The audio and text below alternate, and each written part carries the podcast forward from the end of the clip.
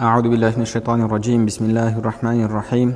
الحمد لله رب العالمين والصلاة والسلام على نبينا محمد وعلى آله وأصحابه أجمعين. رب اشرح لي صدري ويسر لي أمري واحلل عقدة من لساني يفقه قولي. اللهم علمنا ما ينفعنا وانفعنا بما علمتنا وزدنا علما وعملا وتقا وإخلاصا يا رب العالمين. أما بعد السلام عليكم ورحمة الله وبركاته.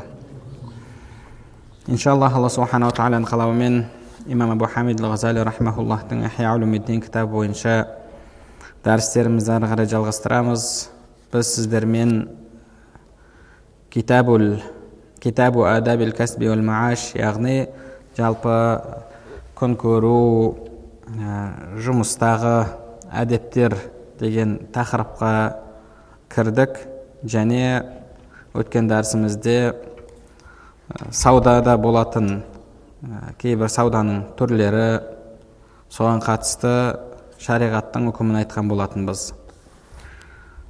Келесі имам абу, хамид ал ғазали қозғаған мәселе бұл әл адлу фил муамала әл адлу фил муамала яғни адамдармен қарым қатынаста әділ болу.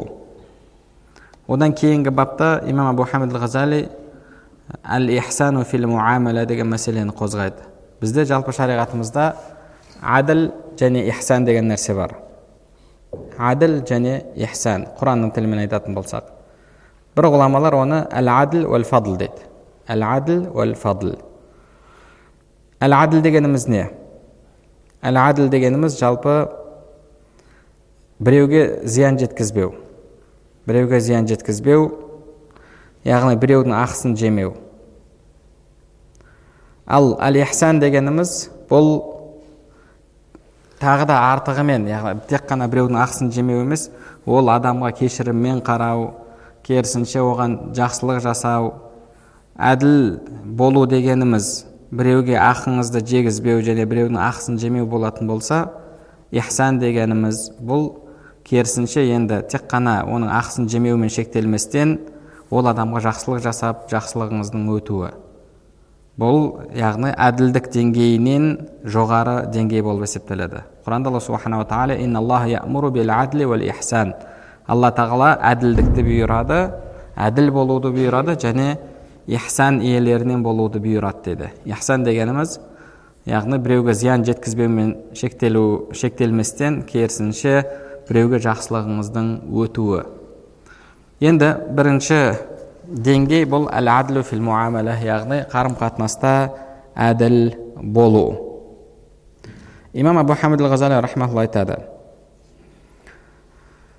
кейде дейді бір мәселеде сен муфтиге барасың муфти деген бұл жерде яғни пәтуа беруші адамға барасың ол сенің мәселеңді қарап тыңдап пәтуасын береді дейді пәтуасын береді бірақ сол пәтуамен тікелей амал ететін болсаң ол жерде сенімен мәміледе болып жатқан адамға бір зиян келуі мүмкін дейді. Зиян келуі мүмкін. Сол үшін де жалпы адам мәміледе тек қана мен істеп жатқаным харам ба халал ма харам ба халал ма деп қарамастан тағы да одан да тереңірек қарау керек дейді. Яғни кейде сенің бір ісің мысалы харам іс болмайды бірақ ол нәрседе басқа біреуге зиян болуы мүмкін. Сол үшін жалпы адам тек қана халал ма харам ба? дегенмен шектелместен басқа біреуге зиян жеткізбеуге тырысуы керек. Енді басқаларға зиян жеткізу дегеніміз жеке бір адамға зиян жеткізу немесе жалпы қоғамға халыққа зиян жеткізу болып бөлінеді. Бірінші зиянның ең яғни үлкен түрі бұл жалпы қоғамға зиян жеткізу. Енді сауда саттықта болған адамға қатысты имам абу хамид ал ғазали рахматулла айтады. Сіз мысалы саудада болатын болсаңыз егер әлгі монополия деген нәрсемен айналысатын болсаңыз онда сіз жалпы қоғамға зияны тиетін іспен айналысып жатсыз деді. Ол дегеніміз не? Ол дегеніміз яғни мысалы базарға белгілі бір тауардың түрін кіргізбестен адамдардың мұқтаждығын күшейтіп кейін бағаны өсіріп сөйтіп кіргізу. Бұл кейде саудагерлердің арасында келісіп алумен болады. Кейде мысалы адамдардың әлгі мұқтаждығын пайдаланумен болады. Имам абу хамид айтады. Мұхтакир пайғамбарымыз саллаллаху алейhi мұхтакиру хаты мұхтакир адам яғни әлгі монополиямен айналысушы адам күнәға батады деген бұл жалпы қоғамға зиян жеткізу болып есептеледі және оны істеген адам шариғатта қараланған адам болып табылады ғұламаларымыз бұл мәселеде айтады егер деді әлгі адамның әлгіндей ісі базарда азық түлік аз кезде адамдарда үлкен мұқтаждық болып тұрған кезде болатын болса бұның ісі харам болып есептеледі дейді. Харам болып есептеледі. Ал егер белгілі бір тауардың түрі базарда көбейіп адамдар оған қатты мұқтаж болмаса сол себепті яғни оның бағасы түсіп жатса ол кезде сәл бағасы көтерілгенге дейін мен күте тұрайын деп өзінің затын тауарын, тауарын базарға кіргізбестен бір сондай жағдайды күтіп тұратын болса сәл көтерілгенін мысалы жазда сатпастан қысқа дейін күтейін қыста сәл бағасы көтеріледі сол кезде сатамын де, дейтін болса ол кезде оның ісі харам емес деді. Егер базарда сол зат жеткілікті болатын болса. Ал егер мысалы бір қуаңшылық болып құрғақшылық болып сол кезде сол зат болмай қалып адамдар қиналған кезде сатайын деген ниет болатын болса ондай кезде ол адамның ісі харам болып есептеледі дейді. Ол адамның ісі харам болып есептеледі. Сол үшін де яғни жалпы адам жеке өзі болсын адамдардың мұқтаждығын пайдаланып мысалы бағаны көтеруге немесе саудагерлер өзара келісіп алып көтеруіне мысалы кейде әлгі базарға кіргізбестен ұстап тұрады әтейлеп адамдарда сұраныс көбейген кезде кіргізіп бағаны көтеріп жібереді. Бұл нәрселердің барлығы жалпы шариғатта қараланған іс болып есептеледі. Бұны істеген адам әлгі әділдік деңгейіндегі адам емес керісінше адамдарға зұлымдық жасап жатқан адам болып есептеледі. Бұл енді яғни жалпылама адамдарға зиян жеткізу мәселесі. Ал енді екінші зиян жеткізудің деңгейі бұл жеке адамға зиян жеткізу. Сізбен мәмілеге түскен сізбен қарым қатынаста болған адамға зиян жеткізу зұлымдық болып есептеледі. Зұлымдық болып есептеледі. Әділдік дегеніміз өзіңіздің бауырыңызға ешқандай зиян жеткізбеуіңіз. Имам абу хамад айтады енді бұның өлшемі дейді яғни бұл нәрсені қалай өлшейміз? Біреудің әділ болуы дегеніміз бұл ол адамның өзіне жақсы көрген нәрсені басқа біреуге жақсы көруі деді өзіне қалаған нәрсені басқа біреуге қалауы өзіне қаламаған нәрсені басқа біреуге қаламауы. Егер мысалы сізге біреу белгілі бір қарым қатынаста болатын болса сол сізге ауыр тиіп сізге жақпайтын болса жүрегіңізді ауыртатын болса сіз тура сол мәмілені басқа біреуге жасамауыңыз керек. Басқа біреуге жасамауыңыз керек. Енді сауда саттық мәселесінде имам абу хамид ғазали айтады бұл жерде жалпы яғни алты төрт нәрсемен сіз басқа біреуге зиян жеткізген болмайсыз дейді. Біріншісі бұл сіздің мысалы тауар сатып жатсаңыз тауарыңызда жоқ нәрсемен затыңызды тауарыңызды мақтамау.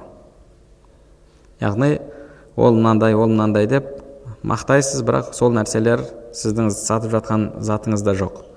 Және одан кейін екіншісі айыбын жасырмау. Үшіншісі оның салмағын жасырмау. Және төртіншісі бағасын айтқан кезде жалған сөйлемеу деді. Бағасын айтқан кезде жалған сөйлемеу. Енді бірінші мәселе тауарыңызды артық мақтамау. Егер сіз тауарыңызды мақтап жатсаңыз затыңызды және сол айтып жатқан нәрселеріңіз сіздің затыңызда табылмайтын болса онда істеп жатқан ісіңіз харам болып есептеледі. Себебі сіз жалған сөйлеп жатсыз. Егер сіздің сол сенің сөзіңізге сеніп соның негізінде әлгі адам сізден затты сатып алып жатса бұл бір жағынан жалған сөйлеу екінші жағынан әлгі адамға жасап жатқан зұлымдық болып есептеледі. Егер сіздің сөзіңізді қабылдамайтын болса онда сіз алла тағала алдында жалпы жалған сөйлеген адам болып есептелесіз. Ал енді тауарыңызда затыңызда бар нәрсені айтып мақтайтын болсаңыз және ол нәрсе көрініп тұрған болатын болса онда имам мұхаммед ғазали бұны хәзаян дейді. Яғни бос сөз деп айтады. Бос сөз дейді. Неге? Себебі ол көрініп тұр көрініп тұрған нәрсені ә, айту бұл орынсыз сөз болып есептеледі. Яғни мысалы бағанағы ә, біреу алма сатып жатса міне қарашы менің алмам сары деп оның алмасының сары екенін көріп тұр. Ол алма мысалы мынандай деп тұр ол нәрсені ол біліп тұр. Ол бұл бос сөз болып есептеледі. Есептеледі дейді. Тек қана егер мысалы сол заттың бір қасиеттері болатын болса бір ерекшелігі болатын болса оны адам қарағанда біле бермейтін болса сол кезде сол нәрселерді айтып ерекшелігін көрсету көрсетуге болады деді және сол нәрселерді айтып жатқан кезде адам ешқашан ант ішпеу керек дейді. Бұл мынау араб елдерінде енді түрік халқында бар ма білмеймін. Бірақ араб елдерінде осы сауда саттықта оллахи оллахи деген сөзді саудагерлер көп қолданады.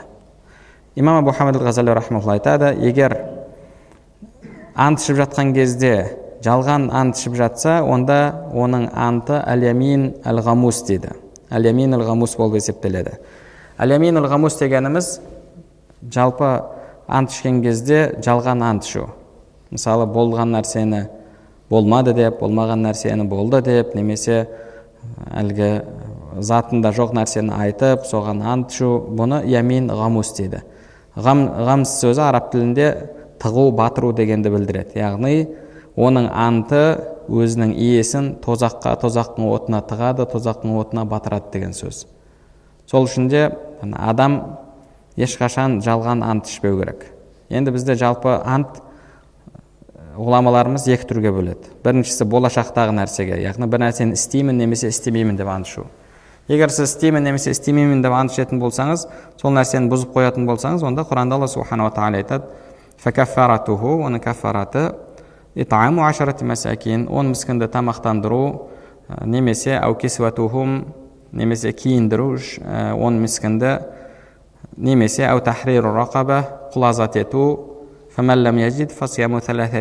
кімнің бұл нәрселерге шамасы келмесе онда үш күн ораза тұтсын дейді бұл егер сіз бір нәрсені істеймін немесе істемеймін деп ант ішсеңіз егер істеймін немесе істемеймін деп ант ішкен кезде мысалы антыңыз сізді сізге міндет болған нәрсені тастатуға алып келетін болса онда ол антты бұзу міндет болады антты бұзу міндет болады және сондай ақ бір харамды істетуге алып келетін нәрсе болса онда ол антты бұзуға да сіз міндетті боласыз. Мысалы бір ағайын туысқаныңызға өкпеледіңіз немесе бауырыңызға өкпеледіңіз да оллахи мен өмірімде онымен араласпаймын дедіңіз.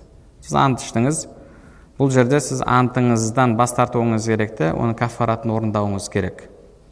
Кафаратын орындауыңыз керек. Ал енді өтіп кеткен нәрсеге адам ант ішетін болса мысалы бір нәрсені істеді бірақ оллахи істемедім деді. Немесе істемеген нәрсесін оллахи істедім деді. Немесе бағанағы мынау товар оллахи мына жақтікі деді ол басқа жақтікі немесе бұл товар мынандай сапада деді ол негіз ант ішті солай негізінде басқа сапада. Бұл кезде бұның істеген ісі бұл әлямин әл ғамус дейді яғни сол ант ішушіні тозаққа батыратын ант болып табылады және бұл үлкен күнәлардан алла тағаланың алдында. Ал егер айтып жатқан сөзі рас болатын болса онда ол сол бұл бір дүниелік нәрсе үшін алла тағаланы алла тағаланың есімін қолданған болып есептеледі дейді. Бұның ісі де дұрыс емес. Себебі адам өзінің затын өткізу үшін яғни бұл дүние деген сондай бір болмашы нәрсе соны өткізу үшін алла тағаланың есімін ұлы есімді пайдалану бұл дұрыс емес дейді. Пайғамбарымыз саллаллаху алейхи уассаламнан имам бұхари және муслимдерде хадис келеді әл ямин әл кәзиба жалған ант яғни сіздің затыңызды өткізеді өтуіне себеп болады бірақ барака оның берекетін жояды деді ол нәрседен сізге ешқандай береке болмайды және екіншісі яғни екінші бағанағы шарт сауда саттықта әділ болу үшін бұл сатып жатқан нәрсеңіздің айыбы болатын болса айыбын жасырмастан көрсету. Айыбын жасырмастан көрсету бұл міндет болып есептеледі. Егер сіз айыбын жасыратын болсаңыз онда бауырыңызға зұлымдық жасаған бауырыңызды алдаған адам болып есептелесіз.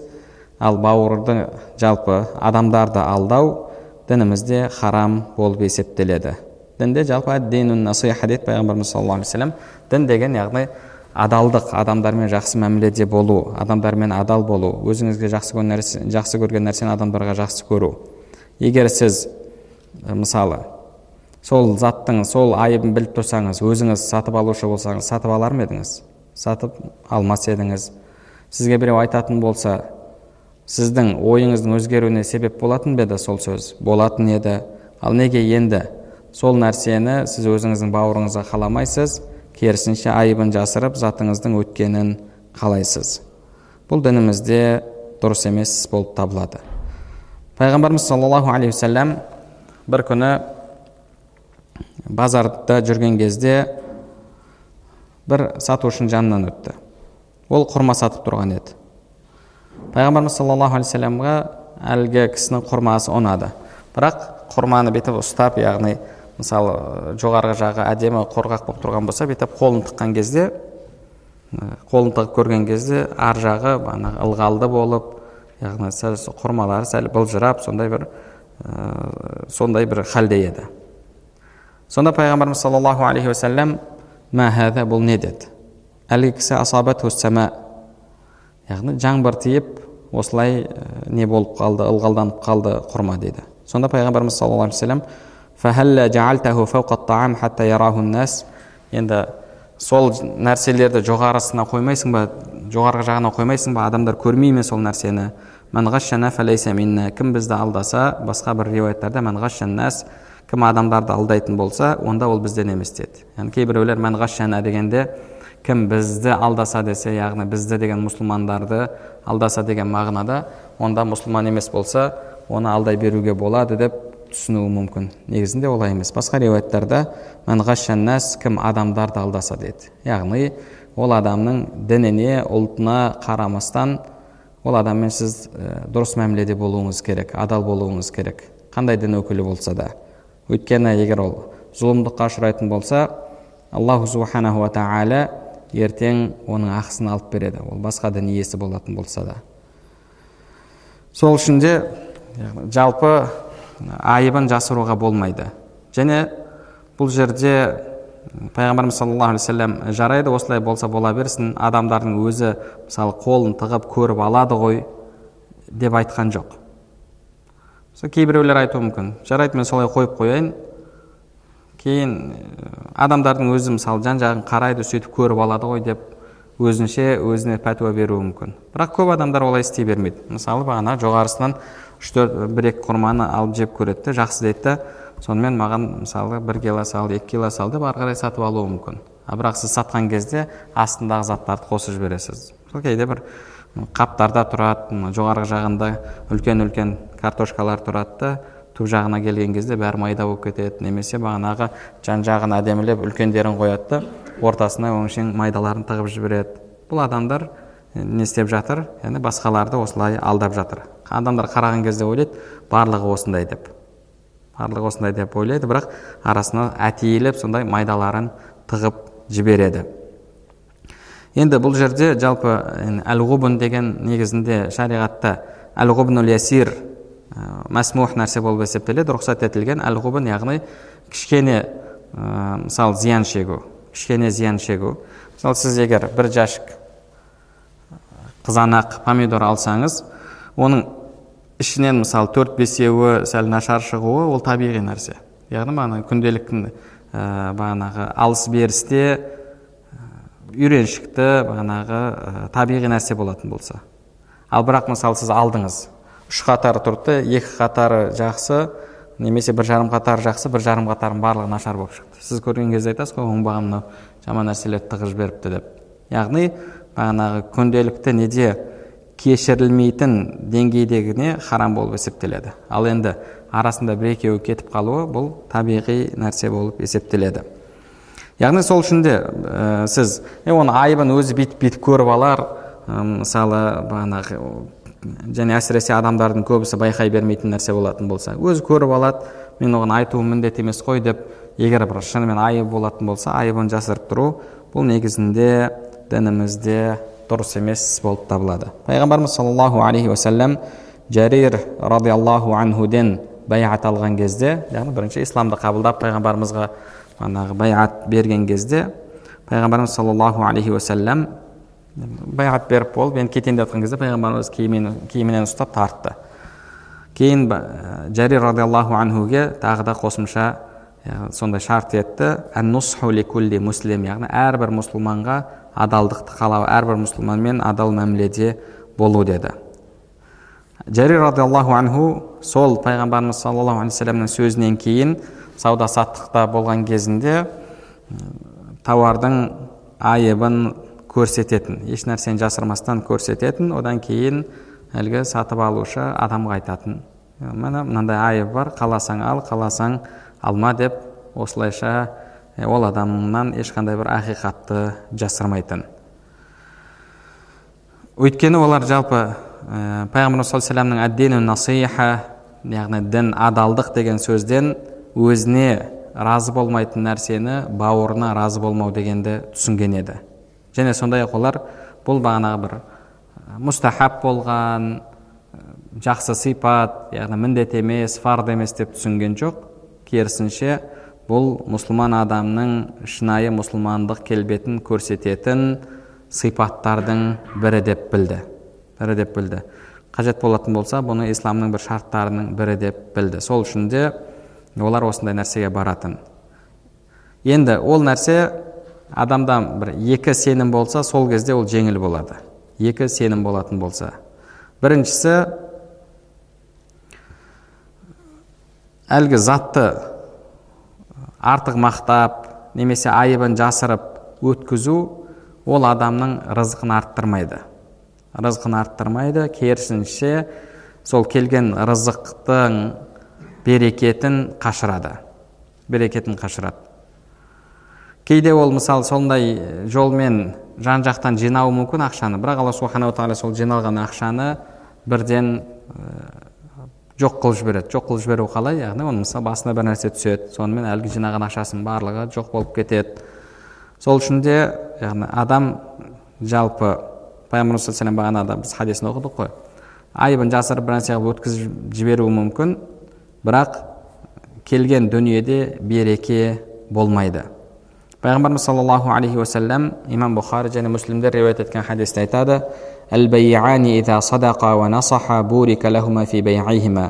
сатып алушы мен сатушы егер шыншыл болатын болса насаха бір біріне адалдықпен мәміле жасайтын болса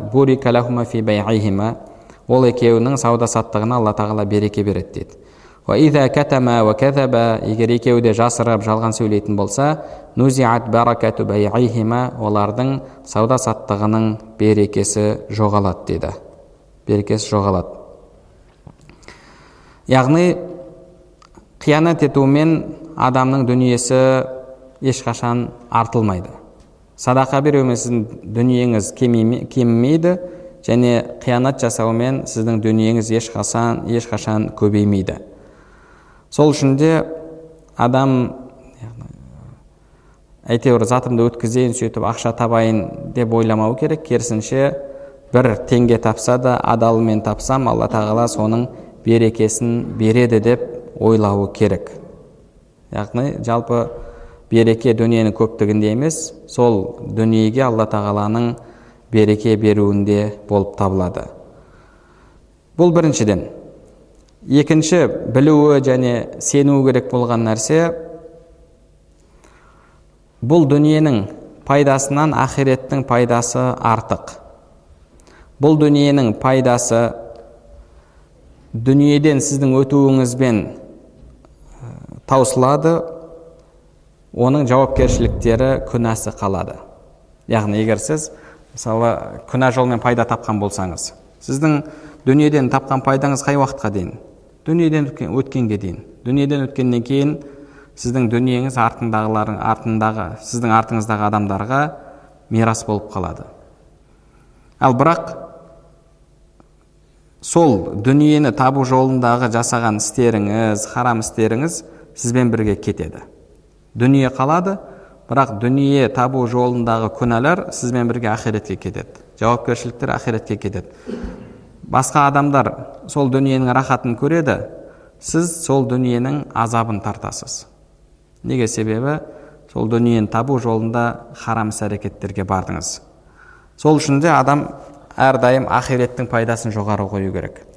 Және зиянды салыстырған кезде де ақиреттің зиянын жоғары қойып ақиреттің зиянынан бірінші құтылуға әрекет ету керек.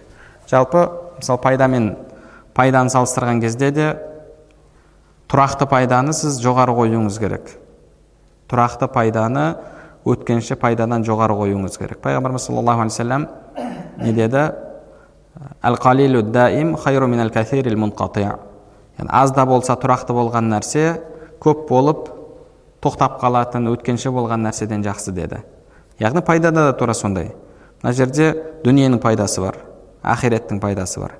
Дүниенің пайдасы осы дүниеде қалады ақиреттің пайдасын сіз иншалла ақиретте көресіз дүние таптыңыз ба оның пайдасын өлгенге дейін көресіз бірақ өлгеннен кейін оның жауабын бересіз қайдан таптыңыз қалай таптыңыз қандай жолмен дүниеңізді тағы да көбейттіңіз осы үшін алла субханала тағаланың алдында жауап бересіз сол үшін де адам өткенше болған уақытша болған нәрсе үшін тұрақты болған мәңгі болған нәрсені тастауы тұрақты болған нәрсені алып мәңгі болған нәрседен бет бұруы бұл негізі ол адамның ақымақтығын көрсетеді. Сол үшін де біз ең бірінші ақиреттегі пайданы жоғары қоюымыз керек.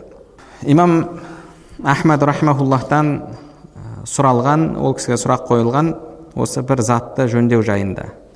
Бір затты жөндеу жайында сұрақ қойылған. Сонда ол кісі айтқан жөндегеннен кейін сол заттың жөнделгенін айтатын болса немесе немесе өзі үшін жөндеп алып жатса онда болады деген. Ал егер жөнделген айтпастан сатып жіберу үшін болатын болса онда болмайды деген. Яғни мысалы бір нәрсе брак болып келді. Кейін ол оны жөндетті.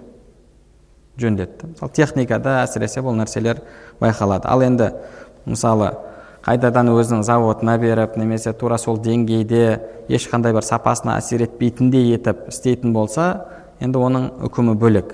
Ал бірақ мысалы техникада барып магазиннен тех, ә, дүкеннен техника алайын деп жатсың. Бұл негізінде брак болып келген. Бірақ кейін қайтадан бағана гарантиясы бойынша істеп берді жөндеттік дейтін болса мысалы сіз ойланасыз.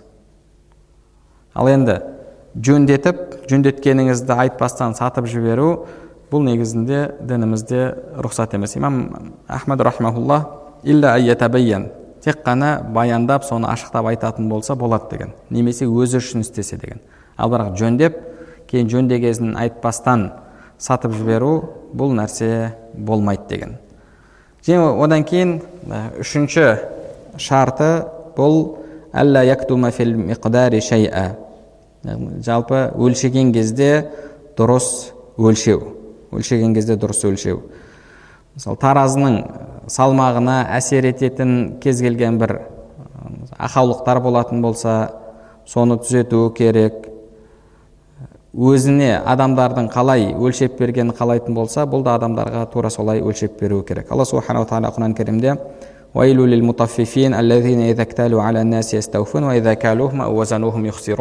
сондай адамдарға өкініш болсын дейді. Бұл уайл сөзі бір жағынан тозақтағы бір шұңқыр деген мағынаны білдіреді. Яғни сондай адамдарға тозақтың шұңқыры болсын деді олар қандай адамдар? Егер өздері бір нәрсені сатып алып жатса мысалы таразыға неғылған кезде тағы да бір екеуін артығымен қойып жіберіп е мына таразыңда не болуы мүмкін? Деп сөйтіп артығымен өлшеп алады. Ал бірақ өзі өлшеп берген кезде кемітіп береді. Ондай адамдарға өкініш болсын ондай адамдарға тозақтың шұңқыры болсын деді алла субханала тағала адам бұл нәрседен қалай құтылады? Бұл нәрседен дейді берген кезде кішкене асырып берсе сол кезде құтылады деді. Яғни мысалы жүз пайыз әділдік жүз пайыз әділдік жасаймын деу қиын. Мысалы сіз затты қойдыңыз бірақ ол бірнеше граммға кейде аздау болуы мүмкін. Сол үшін де яғни мысалы бір, бір данасын болса да қойып мысалы бір нәрсені өлшеп жатқан кезде сәл артығымен беретін болсаңыз сол кезде сіз осылай өлшеп берген кезде ертең ақиретте зиян шегетін адамдардың қатарында болмайсыз. Имам фудайл рахмауллах бір күні баласының әлгі таразыны жақсылап сүртіп жатқанын көреді. Сонда не істеп жатсың деген кезде ол кісі айтады мен мұсылмандарға өлшеп беріп жатқан кезде әлгі шаңның салмағын қосып өлшеп бермейін деп сол үшін сүртіп жатырмын деген. Яғни шаңның салмағы рөл ойнамасын деп ол кісі сол үшін алла субханала тағаланың алдында тақуалық жасап жатыр. Сол үшін де яғни мысалы көп өз жағдайларда көріп жатасыз ғой мысалы кішкене мысалы бір картошканы алады да қойып жібереді кішкене мысалы артық болады. Кейде ол таразыда бір кемшілік болуы мүмкін соның себебімен сәл артық көрсетіп тұруы мүмкін. Сол үшін де сәл артығымен беретін болса мысалы бір екі грамм артық беретін болса иншалла алла субханала тағала оның саудасына берекесін береді. Кейбір ғұламалардың айтқан сөзі бар осы сауда саттықта яғни бір дана үшін мысалы бір дана картошка үшін немесе бір дана жуа пияз үшін немесе бағанағы бір дана алма үшін мен тозақтың отын сатып ала алмаймын деп ол кісілер сол үшін қорқып әлгінде бір екеуін артық беріп жіберетін болған. Неге бұл нәрселерден қатты қорқатын болған? Себебі бұл нәрселердің барлығы мазалим деп аталады. Мазалим деген яғни жалпы пенде мен пенденің арасындағы мәселе. Пендеге сіз зұлымдық жасасаңыз қанша тәубе етсеңіз де тәубеңіз жүрмейді. Неге себебі? Мына адамның ақысын жедіңіз. Алла субханала тағала сізді сол адамға сол адамның қалауына тастап қояды. Егер ол адам сізді кешірсе алла субханала тағала кешіреді. Ол адам кешірмесе сізді алла субханала тағала кешірмейді. Яғни егер мәселе өзіңіз бен алланың арасындағы мәселе болатын болса иншалла алла субханала тағала кешіреді. Сол үшін де ғұламалар айтады алла мен пенденің арасындағы нәрсе мәбниюн алал мусамаха дейді. Яғни кешіруге негізделген. Ал пенде мен пенденің арасындағы нәрсе мәбниюн алал мушаха дейді. Яғни мушаха деген яғни бағанағы менің ақым сенің ақың деген ол жерде ондай онша, онша кешірім деген нәрсе жүрмейді. Әсіресе ақиретте әсіресе ақиретте адамдардың барлығы сауапқа мұқтаж болып тұрған кезде немесе арқасын ауырлатып тұрған күнәсінен құтылғысы келіп тұрған кезде ол жарайды кешірейін сені демейді. Керісінше сіздің сауабыңызды алғысы келеді сауабыңыз болмаса күнәсін сізге арқалатқысы келеді. Сол үшін де яғни адам осындай адамдармен болған мәміледе зұлымдық жасамауы керек. Бұл нәрсе өте маңызды болып табылады. Яғни бұл жалпы тек қана өлшеу өлшенетін нәрселерде емес кез келген жалпы адамды алдауға болатын адам алданып қалуы мүмкін болмаған нәрселердің барлығында дейді. Мысалы әлгі яғни бір нәрсенің ішіне екінші бір нәрсені араластырып сатып жіберіп жатса және мына жерде сондай бір мысал келтіріпті.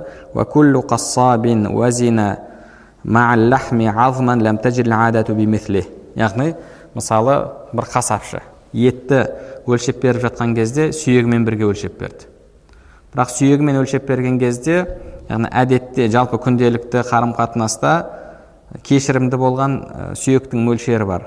Яғни кейде ол сүйекті мысалы ажыратып алып тастап не қылмайды. Себебі таза алып тастайтын яғни таза ет болатын болса оны не дейді? Бізде етті қалай атайтын еді? Қалай? Иә мякоть дейді. Мысалы мякоть деп қояды яғни таза ет. Ол жерде сүйек жүрмейді. Оның бағасы қымбаттау болады. Ал ә, күнделікті неде сатып алған кезіңде сүйегімен бірге өлшенеді. Бірақ сол сүйектің өзін өлшеген кезде де яғни күнделікті сол қарым қатынаста кешірімді болған мөлшерден асып кетпеу керек дейді. Егер сол мөлшерден асып кететін болса онда сенің істеп жатқаның зұлымдық болып есептеледі дейді. Сол үшін де яғни бұл нәрселерде адам өте сақ болуы керек. Және одан кейін төртіншісі дейді ә, жалпы баға мәселесіне келген кезде шыншыл болу дейді. Баға мәселесіне келгенде шыншыл болу. Бізде жалпы сауданың түрлері бар. Мысалы саудада қосып сату немесе ә, немесе жаңағы негізгі бағасынан төмендетіп сату немесе сол өз бағасына сату үш түрі бар. Қосып сататын кезде қосып сататын кезде өтірік айтуға болмайды. Өтірік айтуға болмайды. Бауырым мен осынша осыншадан сатып жатырмын қаласаң ал қаламасаң қой деп. Ал бірақ бер десе ой өзім үстінен 500 теңге көріп тұрмын үстінен мың теңге көріп тұрмын деп. Бірақ мың теңге 500 теңге көріп тұрған жоқ мысалы төрт мың бес мың көріп тұр яғни артығымен көріп тұр. Ал мына жерде мен маған қалатыны 500 теңге ақ маған қалатыны мың теңге ақ деген сияқты сөздерді айту бұл негізінде сол бағада шыншыл болмау болып табылады. Өйтіп ә, жалған сөйлеудің қажеті жоқ. Бағасы осы ә, келмейді деген сияқты мысалы. Қаласаң ал қаламасаң қой деген секілді сөздерді айту керек. Яғни бұл негізі бағанағы затты ә, мысалы өзінің бағасынан артық қылып пайда көру үшін сатқан кезде. Енді мысалы сатқан кезде өзінің бағасынан төмен қалып сату деген нәрсе бар.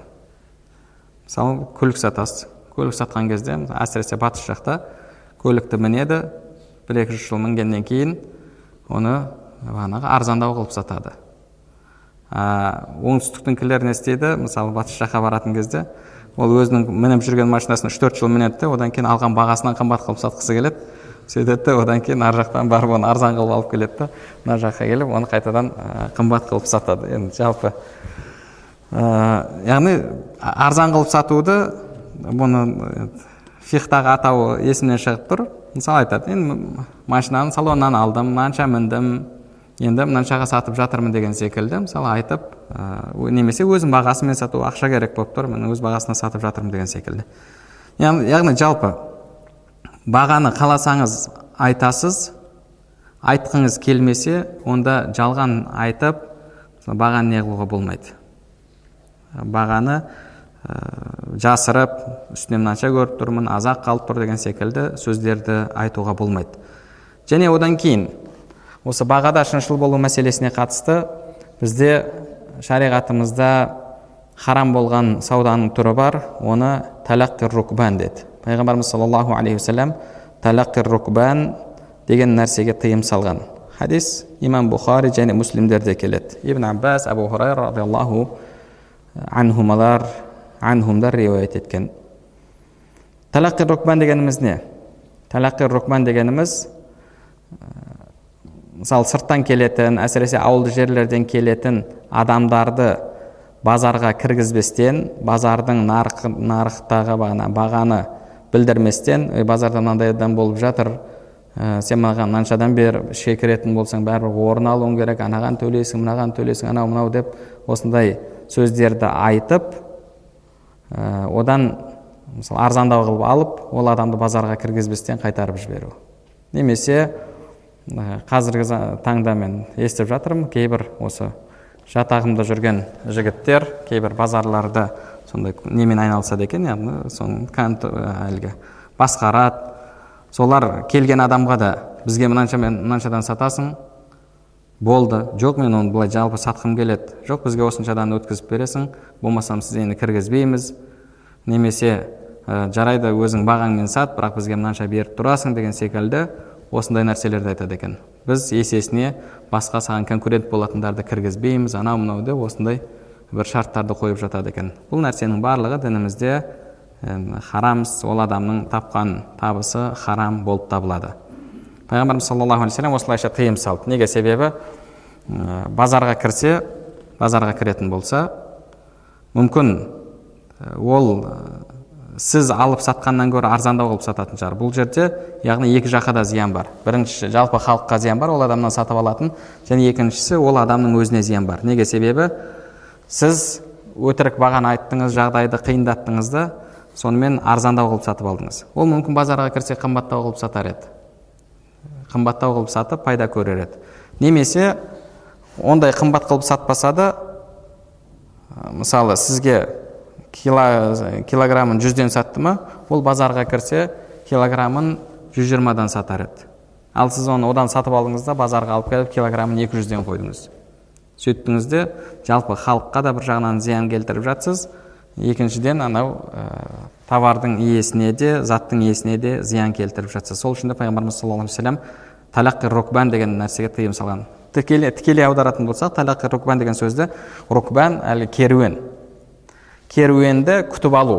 Яғни сырттан күтіп алып сырттан онымен сауда жасап затын алып қолына ақшасын беріп сөйтіп былай қарай қалаға затты өзіңіз алып кіресіз. Бұл нәрсеге пайғамбарымыз саллаллаху тыйым салған. Және ә, нәжиш бәйун нәжиш дейді пайғамбарымыз саллаллаху оған да тыйым салған. Бәйун нәжиш дегеніміз не бәйун нәжиш дегеніміз бұл бір адам бір адам сіздің жаныңызда тұрады мысалы сіз сатып жатқан кезде өзі сатып алмаса да анау сатып алушыны қызықтыру үшін өтіріктен саудаласқан болып бір бағасын көбейтіп тұрады егер ол екі адамның келісімімен болатын болса бұл нәрсе дінім екеуіне де харам болып есептеледі екеуіне де харам екеуінің тапқаны да харам болып есептеледі егер арасында келісім болмайтын және яғни ол нәрсені білетін болса кейін қайтадан затты қайтаруға толық мүмкіндігі бар сатып алушы адамның. Ал енді келісіммен болмаса яғни кейбіреулер болады өзінше бір біреуге жақсылық жасайын деп тұратын сөйтіп. Негізінде оны жасап жатқан жақсылық емес оны жасап жатқан ісі ә, харам іс болып есептеледі. Және бұл жағдайда да негізінде ол адамға сатып алушы адамға қайта қайтаруға яғни келісімді бұзуға негізі шариғатымыз мүмкіндік береді. Жанында тұрып е мен ана жерде мынаншадан көрген едім деп қояды. Кейін мынау ойлап қалады о шынымен де мынанікі арзандау екен ғой деп сөйтіп сатып алады. Яғни тұрып алып сөзбен әлгі бағаға әсер ету адамды қызықтыру өзі сатып алмайтын болса да. Бұны бізде не дейді? Нәжеш дейді. Бұл да дінімізде тыйым салынған сауданың түрі болып есептеледі. Бұл да жалпы бағаға әсер ету. Және сондай ақ бағаға әсер ететін тағы бір ненің түрі? Пайғамбар саллаллаху бұл әл хадиру бәди дейді. Яғни тұрақты тұрғылықты адамның сырттан келген адамның затын сатуы. Қалайша? Бұл жерде мысалы бір адам келді асығыс. Асығыс.